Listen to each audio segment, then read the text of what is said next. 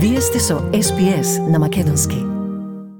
Премиерот Димитар Ковачевски ни вчера него соопшти својот став во однос на францускиот предлог за решавање на спорот со Бугарија, кој во викендов што измина беше главна преокупација на политичката и на аналитичката јавност.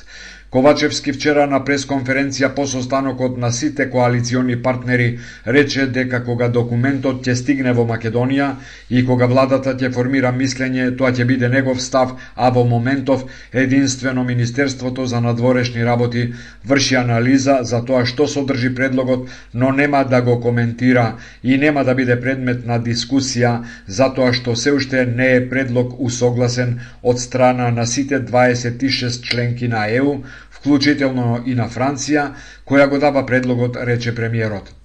Во однос на прашањето дали е прифатливо јазикот да се дефинира по пат на еднострани декларации на Македонија и Бугарија, Ковачевски одговори дека македонскиот јазик мора да биде чист македонски јазик во преговарачката рамка.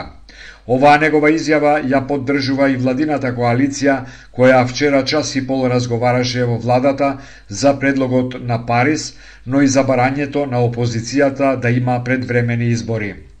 Што се однесува на барањето на ВМРО ДПМН за предвремени избори, Ковачевски рече дека избори ќе има во редовниот термин заедно со председателските. Тој ја повика опозицијата да ја прекине блокадата во собранието и да се откаже од блокада на институциите, што ја најави завчера на протестот лидерот на ВМРО ДПМН Христијан Мицкоски, бидејќи според него местото за разговори е внатре во државните институции, а не на улица.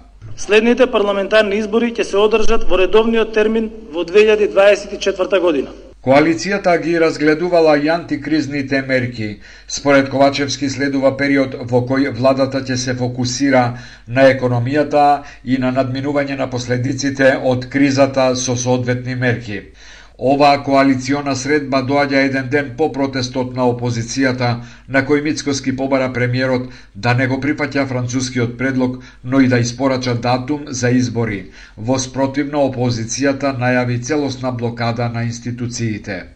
Додека Скопје тактизира францускиот предлог се разгледува во Комисијата за надворешни работи на Бугарското собрание.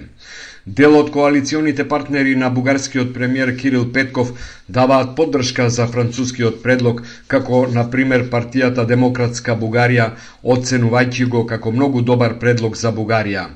Но и покрај поддршката бугарскиот премиер завчера најави дека следната недела на самитот во Брисел нема да оди со став на владата, туку со одлука на Народното собрание. Парис и натаму ниту потврдува, ниту одрекува дека деталите што се објавија и во Софија и во Скопје од дипломатски извори се формулациите кои Емануел Макрон ги подготвил во соработка со Македонија и Бугарија. Медиумите повикувајќи се на дипломатски извори објавуваат дека францускиот предлог за одблокирање на македонската блокада предвидува кревање на бугарското вето, но и влегувањето на така наречени 4 плюс 1 бугарски барања во европската преговарачка рамка. Барањата на Бугарија се македонската делегација да потврди пред Обединетите нации дека краткото и долгото име на земјата се однесуваат само на постоечкиот државен субјект и дека Македонија нема територијални претензии. Македонија конечно да ги повлече своите малцински побарувања кон Бугарија, да почне рехабилитација на жртвите на југословенскиот комунизам, репресирани поради нивната бугарска самосвест, да ја прилагоди со Бугарија содржината на наставните програми и работата на заедничката историска комисија, да ги отстрани таблите и надписите на територијата на Македонија, што шират омраза кон Бугарија и бугарите. Дополнително, според предлогот Македонија и Бугарија треба да достават две едностранни изјави за нивните позиции за македонскиот јазик, иако јазикот во ЕУ ќе се именува како македонски. Министерството за надворешни работи на Бугарија во вчерашното соопштение за предлогот на француското председателство со ЕУ бара парламентарната комисија за надворешна политика веднаш да свика состанок со учество на ова министерство на кој ќе се разговара за сите достапни документи за Македонија за да се формулира заедничка бугарска позиција со цел да се утврдат следните дејства на бугарската дипломатија.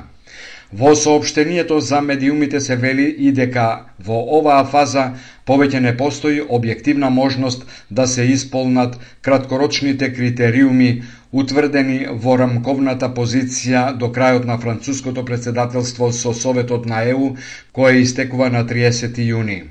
Под мотото премногу е во саботата ВМРО ДПМН е пред владата одржа голем протест. Голем број граѓани од државата со автобуси пристигнаа на протестот. Пред почетокот се одржа така наречено отворено студио со настап на повеќемина политички аналитичари што ја оценуваа внатрешната, надворешната и економската политика на актуелната власт. Главниот момент на протестот беше настапот на лидерот на ВМРО ДПМН е Христијан Мицкоски, кој во својот говор рече дека промени мора да има и дека процесот ќе заврши со смена на оваа власт. Доколку нема договор за предвремени избори ова лето, потоа ќе преминеме во фаза на целосна блокада. Таа целосна блокада ќе биде во парламентот, но и блокада на институциите, блокада на патиштата, протести низ градовите, блокада на процедурите и системот во распаѓање. На тој начин нема да легитимираме систем кој е диво месо и затруен од криминал и неспособност. Мицкоски рече дека нема да ја даде можност на власта да го смени уставот поради тоа што неговите пратеници нема да гласаат за таков зафат, а за измена на уставот на собранието му е потребно двотретинско мнозинство. 80 пратеника, две третини менуваат устав. Тоа зависи од ВМРО ДПМН. Додека јас сум председател, нема да се смени уставот за да бидат бугарските барања дел од него. Митингот на ВМРО ДПМН СДСМ да го оцени како неуспешен и дека за неговата организација се потрошени 300.000 евра, па Богданка Кузевска на пресконференција го упати прашањето од каде и се толку пари на партијата. Целата јавност вчера сведочеше на дебакал од страна на Христијан Мицкоски и ВМРО ДПМН. Скапочини дебаклот на ВМРО ДПМН и пропаднатиот митинг со слаб одзив и лоша организација. На митингот имаше присутни околу 15.000 членови и симпатизери на ВМРО ДПМН. Миле Левков од ВМРО ДПМН е пак во контраизјава рече дека саботниот митинг бил најмасовен во историјата на митинзите во Македонија.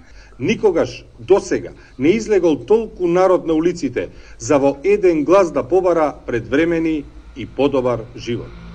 Владата паѓа зашто народот е гневен и осиромашен, а СДСМ и ДУИ се причина за гневот и сиромаштијата. ВМРО ДПМН е најави дека протестите ќе се одвиваат континуирано во сите градови на Македонија до конечно изнудување пред времени парламентарни избори. Сакате ли да чуете повеќе прилози како овој? Слушате подкаст преку Apple Podcasts, Google Podcasts, Spotify или од каде и да ги добивате вашите подкасти.